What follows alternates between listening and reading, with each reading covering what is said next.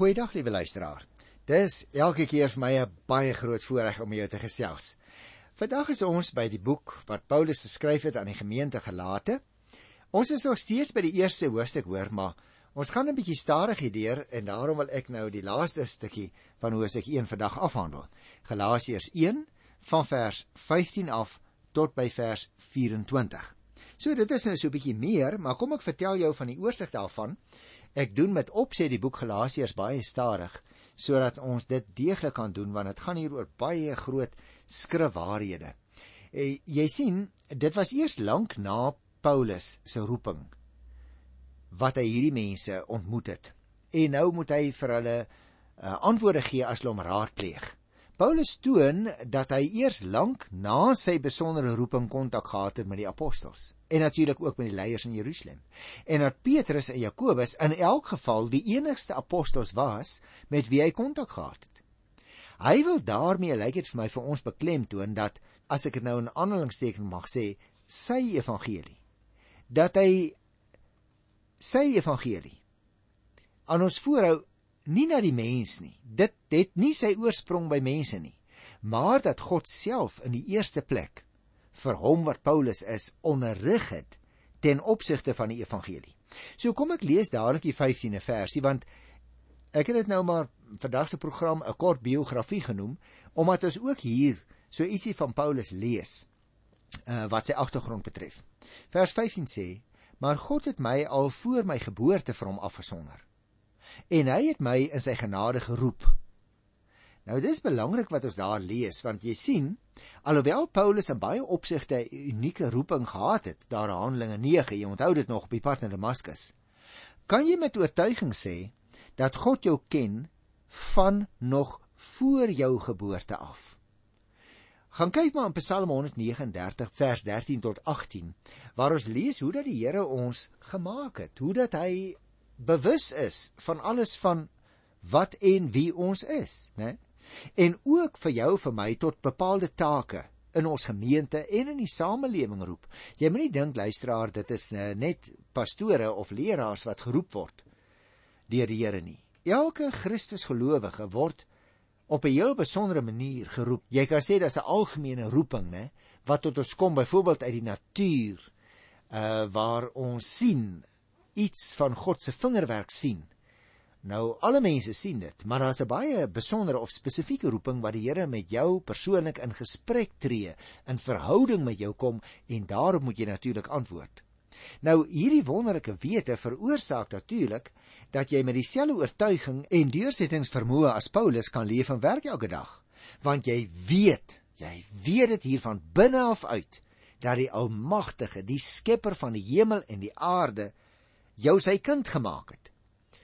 Onthou jy daardie bekende versie, wonderlike versie in Johannes 1 vers 12 wat sê aan elkeen wat hom, dis nou Christus, aan elkeen wat hom aangeneem het, het God die reg gegee om 'n kind van God genoem te word. So dis nie verwaandheid nie, liewe luisteraar, maar Paulus dra hierdie oortuiging, mag ek jou vra.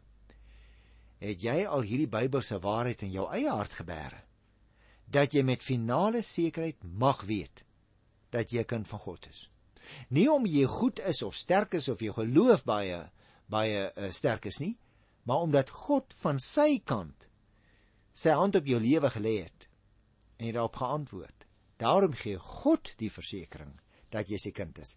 Jy sien, luister na die groot ommekeer in Paulus se lewe berus op goddelike inisiatief.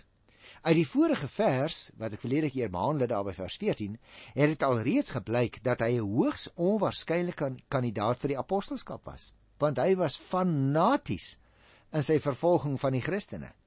Daar is ook geen aanduiding van enige voorbereiding tot so 'n stap dat hy hom tot die Here wou bekeer nie. Inteendeel, Dikwels is probeer om Paulus se bekering in terme van 'n sielkundige ontwikkeling te verklaar deur te beweer dat die heftigheid van sy vervolging 'n teken sou wees van innerlike onsekerheid.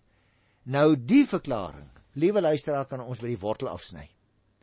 Dit was glad nie 'n sielkundige aanloop wat Paulus deurleef het om 'n Christen te word nie. Dit was 'n radikale ingryping van God in sy lewe. 'n Mens kom nie tot jouself by die Here uit nie. Daarom loop die verklaring min of meer so. Word gesê Paulus is reeds aangespreek deur die evangelie, maar nou het hy nog om self 'n uh, ruk lank uh, daarteen uh, verset, geleidelik het sy gewete hom begin pla. Ek wil sommer vir 'n gewone Afrikaans sê dis gewoon nonsens. Hy het tot bekering gekom op 'n radikale manier en jy en ek beskik oor geen werklike gegevens om daai standpunt wat ek nou net vir jou verduidelik het te ondersteun nie. In elk geval luisteraar, is dit ook nie die punt waarom dit vir Paulus in hierdie uitspraak gaan nie. Hy wil dit net maar duidelik stel dat dit God is wat in die hele gebeure die leiding geneem het. In die stadium toe die Here dit goed gedink het, het hy sy seun aan Paulus op bekend gemaak. En daarbey was dit ook nie iets wat as dit ware op die ingewing van die oomblik gebeur het nie. Dit was die voltooiing van 'n voorneme wat reeds voor Paulus se geboorte by God in sy gedagte ontstaan het. Daarom die gedagte dat God iemand reeds voor sy geboorte afgesonder het, is soms verkeerdelik in verband gebring met 'n bepaalde vorm van die uitverkiesingsleer. Paulus sluit hier eerder baie nou aan by die spraakgebruik van die Ou Testamentiese profete. Jy kan byvoorbeeld gaan kyk na Jeremia 1 vers 5. Ek onthou baie goed. Ek het ook al na uh, die verwysings en hierdie saak verwys toe ek sekere aspekte in die Ou Testament met jou behandel het. So laat ek 'n oombliekie teruggryp na die gebeure in Jeremia. Jy kan gaan kyk in Jeremia 1 vers 5. Voordat ek jou in die moederskoot gevorm het, het ek jou geken.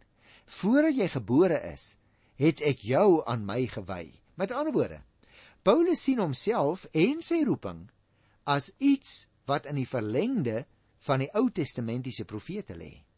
Dis terselfdertyd 'n aanduiding van hoe hy sy gesag as apostel verstaan het.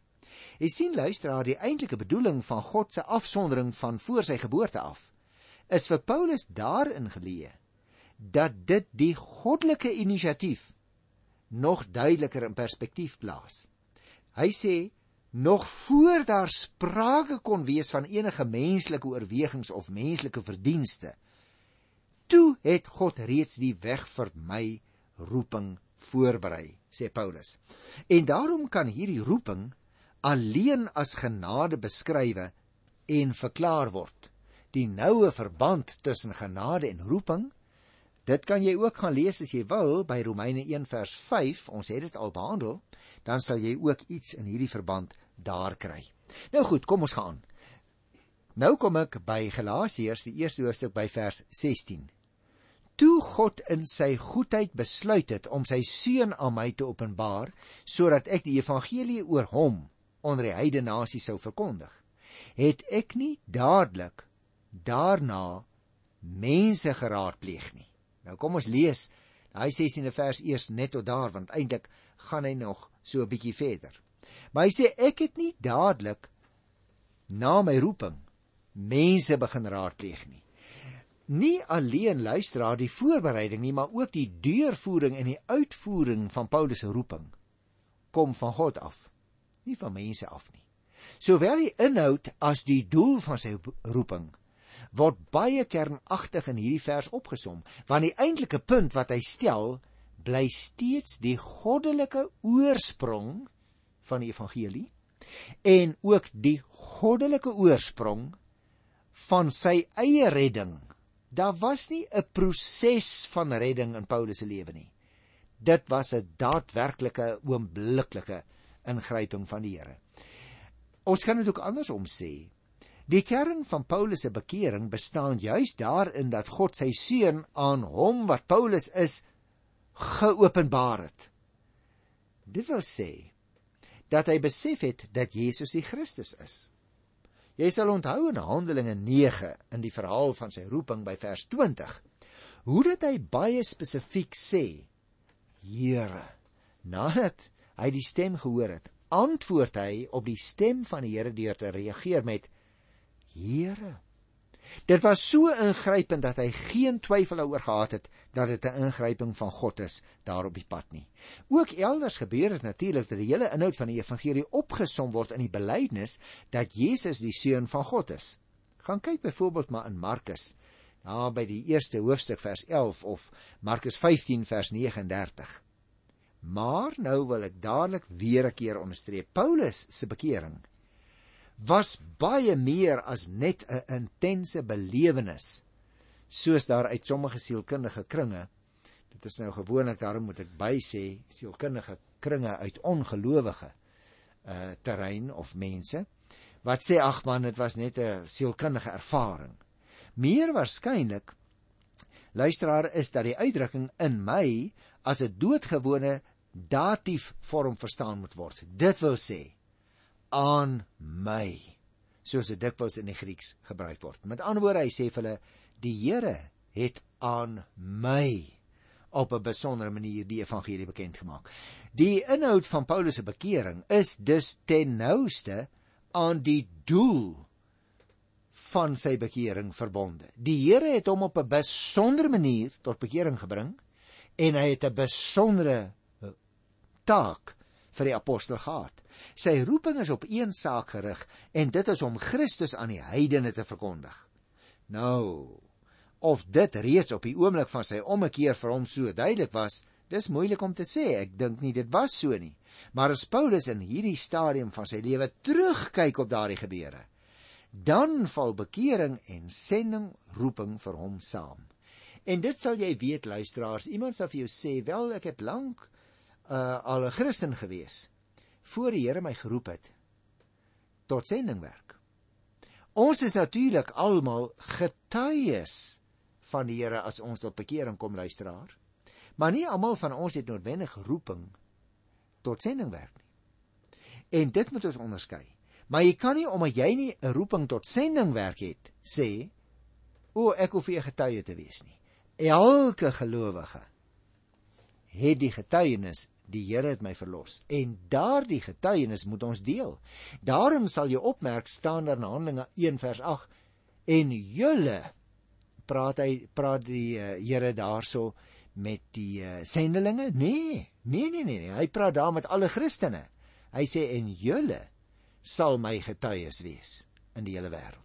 So dit maak nie saak waar die Here my op puntdiens plaas, wat is oor werk ek doen, wat die omstandighede van my bekering was nie maar ek het die verantwoordelikheid om 'n getuie te wees. Nou ja, goed. Terloops wil ek miskien net sê, die inhoud van die evangelie kom ter sprake in hierdie vers. Ek wil weer vers 16 eh, vir jou lees, want dit is 'n baie baie belangrike vers.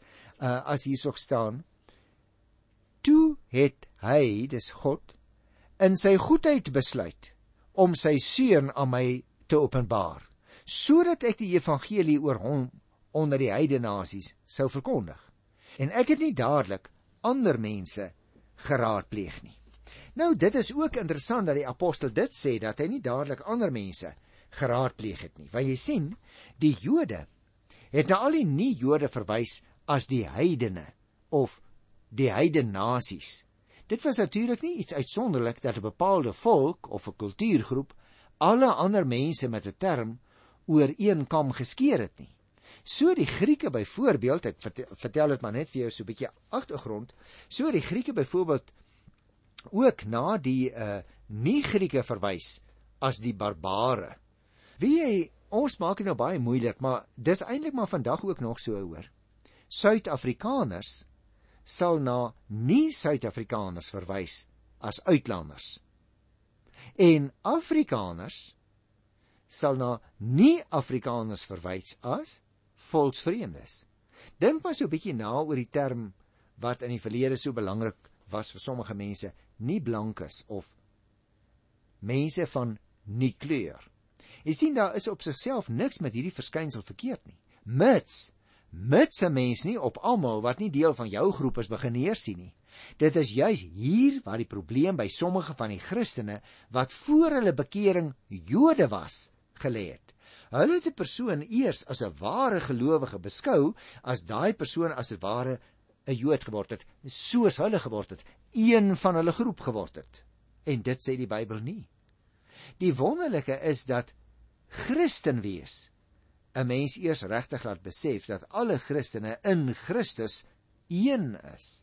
Sorg dat hierdie eienskap, liewe luisteraar, in jou eie lewe sigbaar word, deurdat jy 'n ander gelowige in die eerste plek as mede gelowige erken en eers dan as 'n persoon van 'n ander ras of 'n kulturele tradisie. Dit is so belangrik dat ek tog nog net 'n kort opmerking daaroor wil maak, liewe luisteraar.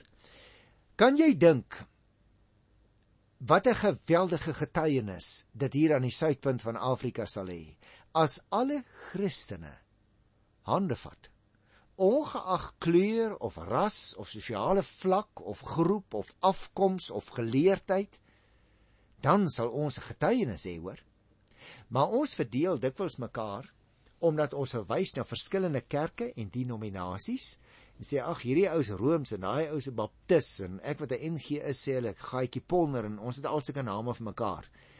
In plaas van dat ons 'n Christen is en dat ons nie ons klem as mense ons vra lê op ons nasionaliteit of ons denominasie nie maar op die feit dat ons Christene is.